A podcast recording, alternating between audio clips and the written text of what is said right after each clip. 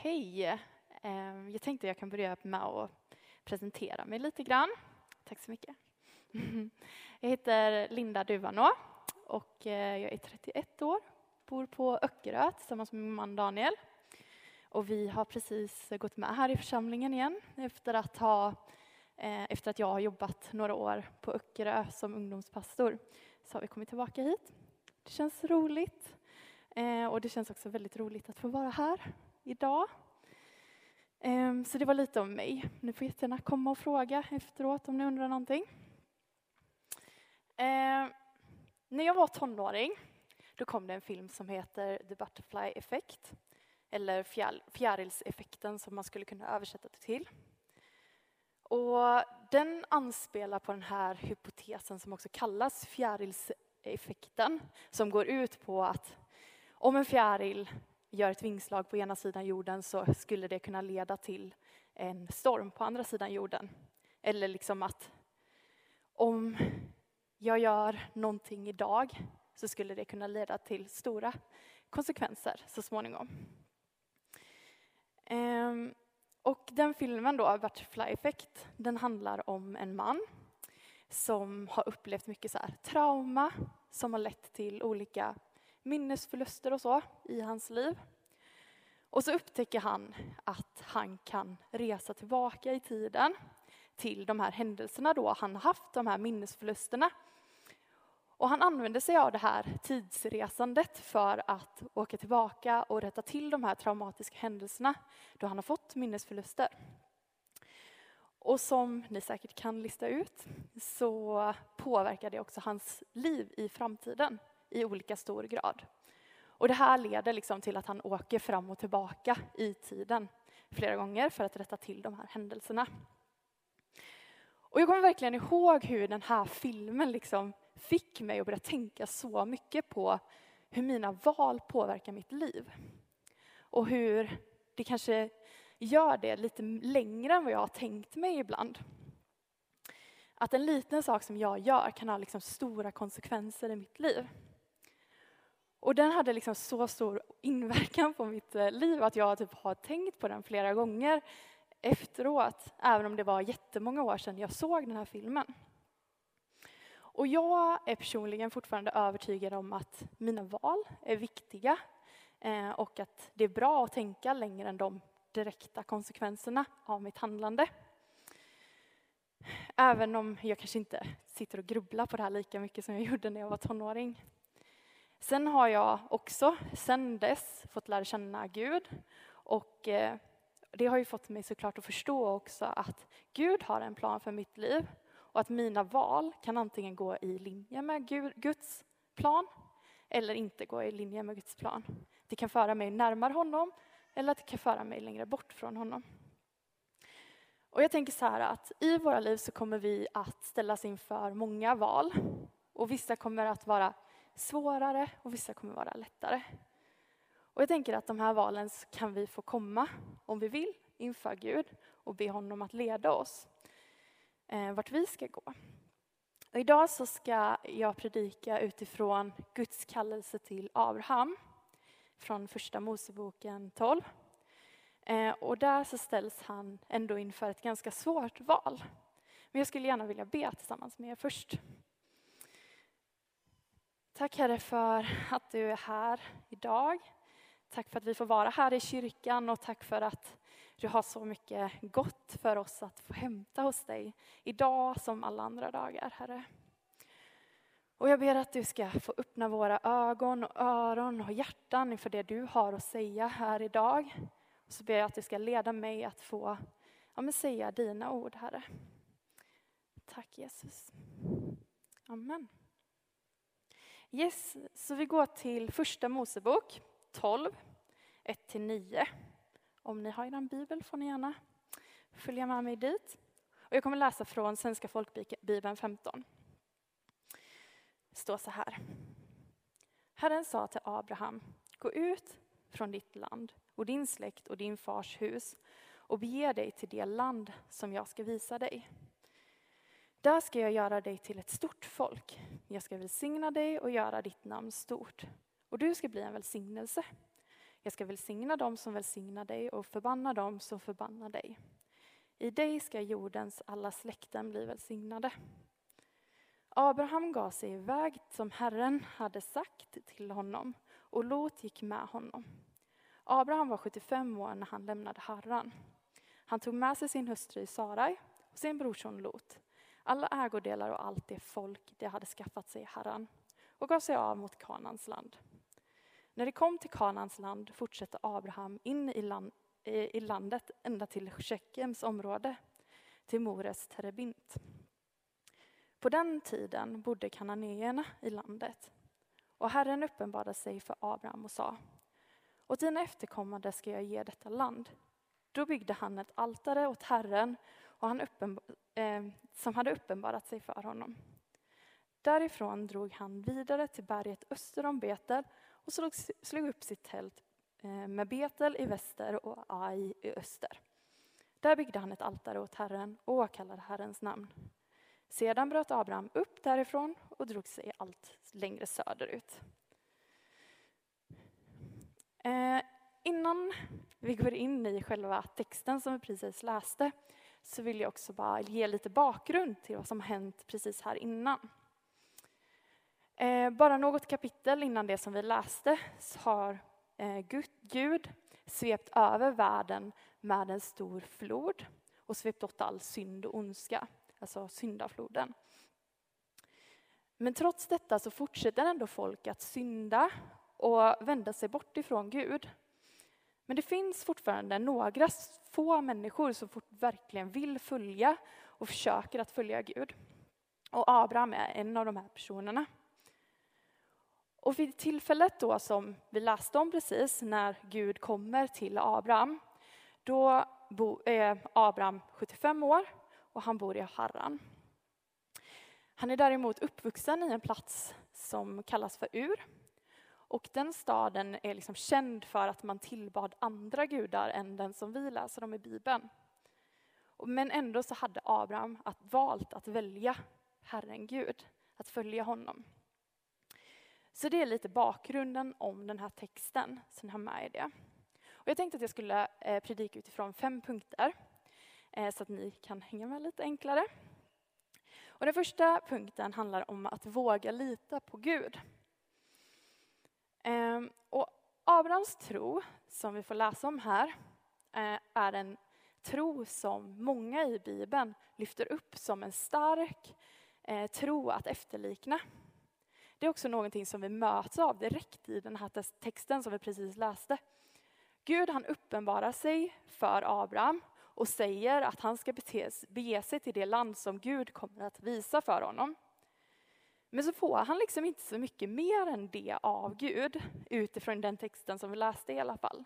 Han får inte ens namnet på det landet han ska till, utan Gud bara säger åt honom liksom att Eh, om du väljer att följa det här, om du vill gå dit som jag vill leda dig, så kommer jag att välsigna dig, göra dig stor, välsigna andra genom dig.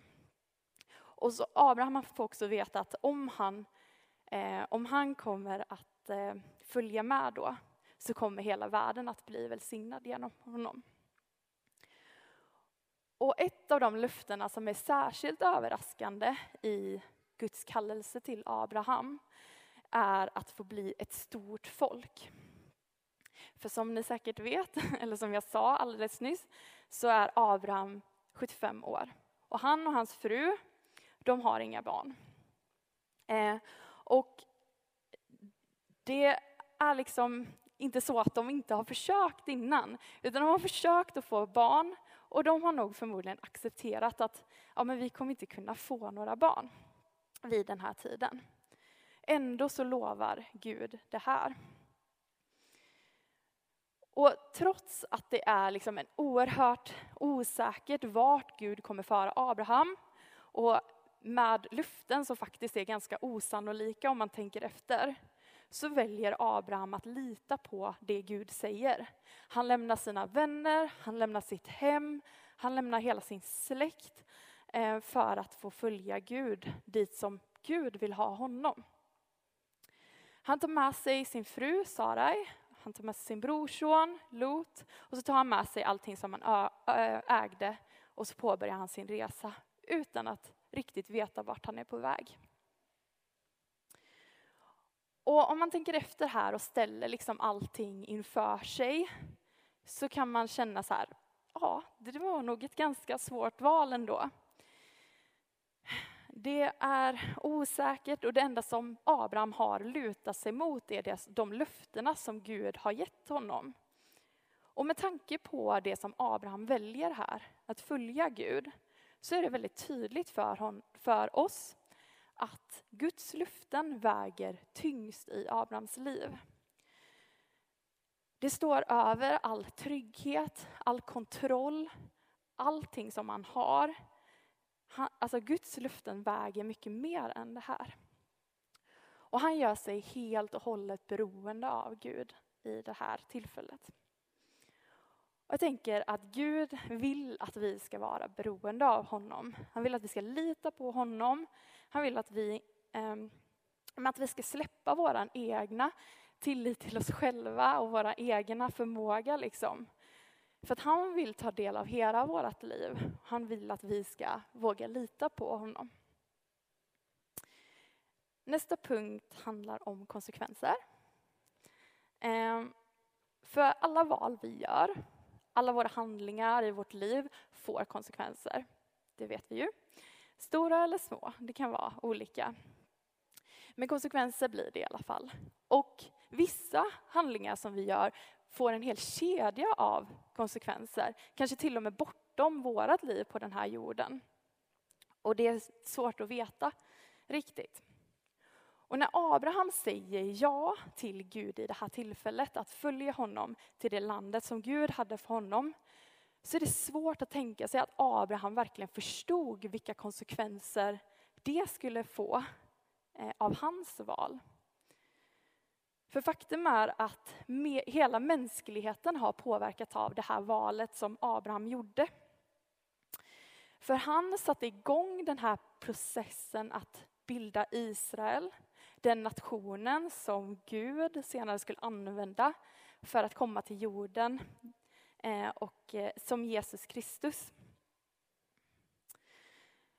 Och det är liksom först när Jesus egentligen föds hit eller dör på korset som eh, Guds löfte till Abraham om att välsigna allt folk går i uppfyllelse. Så det är stora konsekvenser av det som Abraham säger ja till. Men det är svårt att tänka sig att han kanske förstår det riktigt.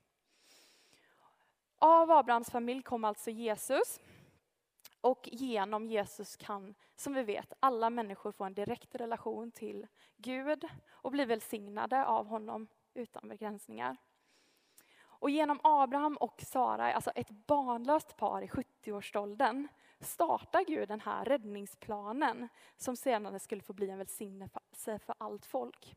Jag tycker ändå att det ger en väldigt stor hopp om vad Gud kan göra, vilka Gud kan använda och att det inte finns några begränsningar för honom. Konsekvenserna av Abrahams val är som vi förstår enorma.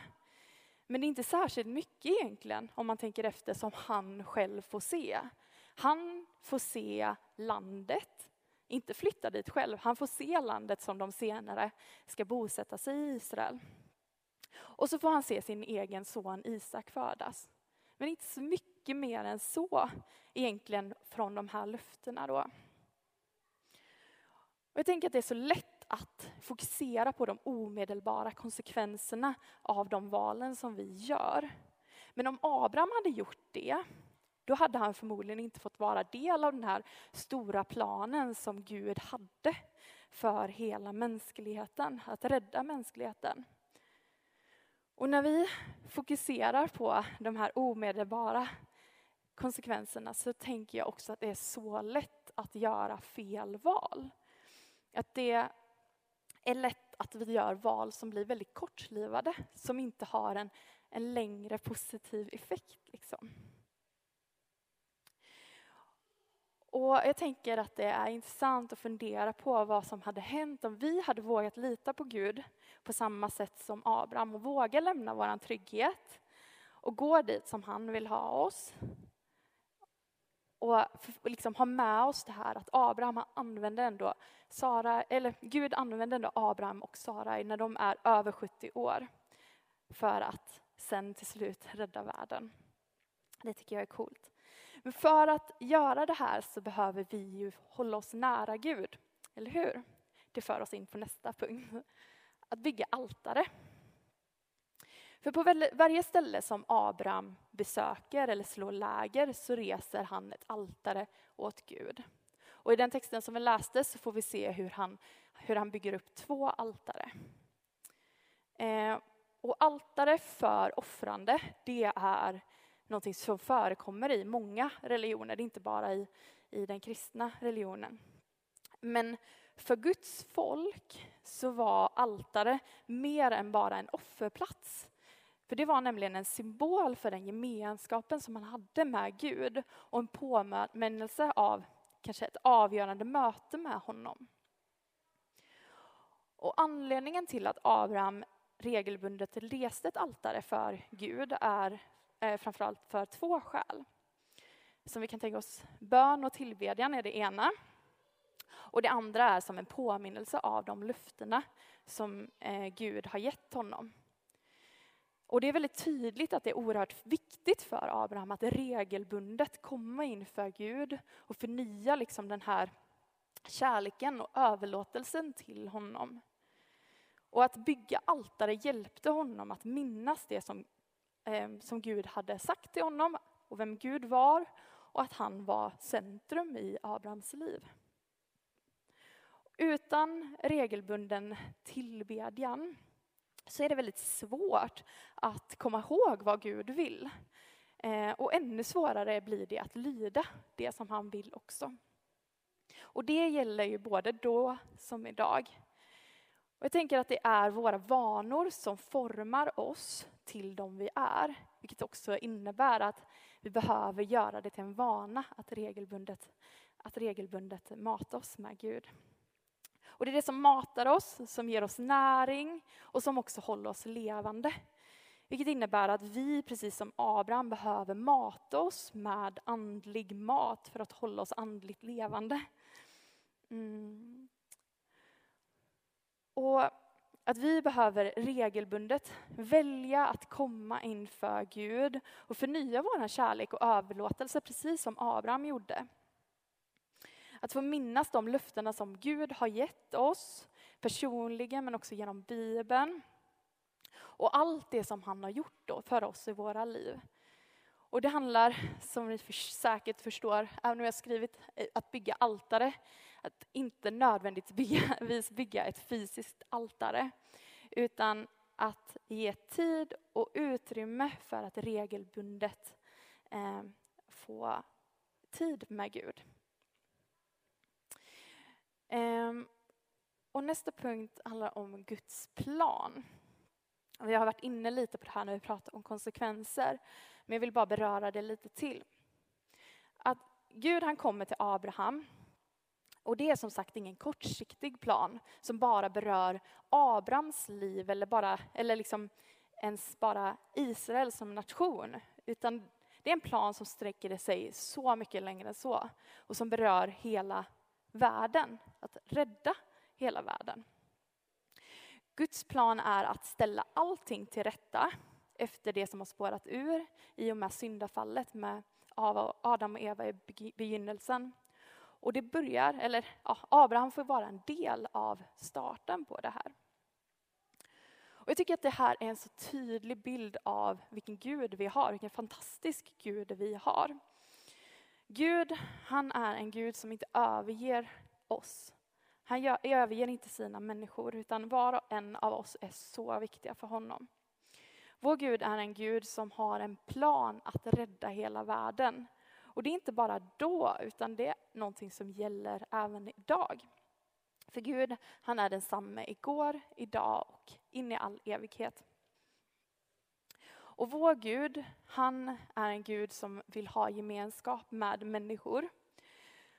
Han ingår förbund med de som litar på honom och han, eh, han håller sig trofast till den, det förbundet. Guds plan liksom är från hela början att göra sig känd för alla människor. Och det var det då och det är det än idag. Och det här kan vi få lov att vara en del av. Eh, och det för oss in på nästa och sista punkten, att välsigna folk. I Guds löften till Abraham så ingår det att få vara en välsignelse för folk.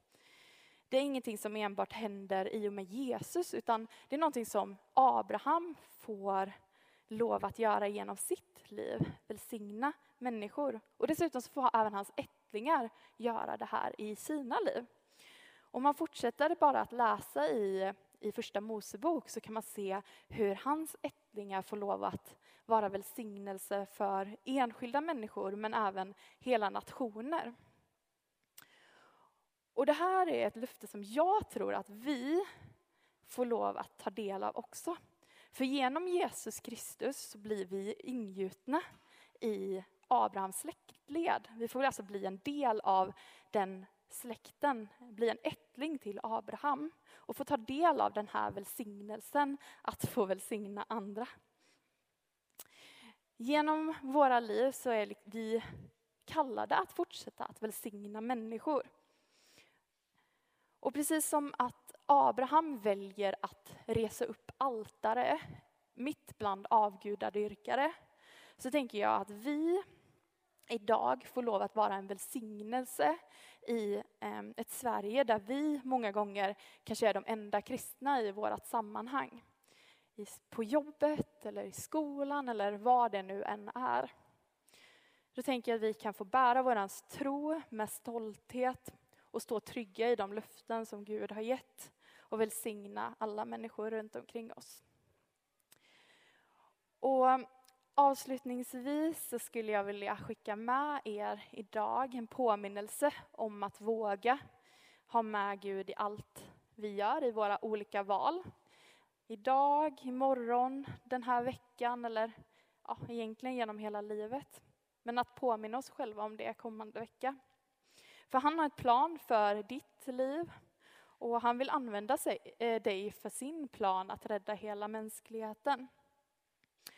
Och för att kunna eh, veta vad Gud har för oss och kunna gå den vägen som Gud har för oss så är det också viktigt att komma ihåg att skapa en vana, att regelbundet komma inför honom och spendera tid med honom och ge honom tid att prata med oss. Eh, Gud använde Abraham och Sarai när de var över 70 år. Ett barnlöst par som inte trodde att de hade så mycket kvar att ge kanske. Och det tänker jag att vi kan komma ihåg. Gud är ingenting omöjligt och han använder den som är villig. Vi ber tillsammans och om lovsångsteamet vill komma upp så går det bra. Tack Herre för att vi kan få luta oss mot dig och få ledas utav dig, Herre. Jag ber att du ska få påminna oss och knacka på våra axlar och be oss att få öppna upp våra liv för att ha mer av dig, Herre, och låta dig få ta mer plats och hjälpa oss att ledas utav dig, Herre. Tack för att du har en plan för oss och hela mänskligheten, Herre. Ja, vi älskar dig. Amen.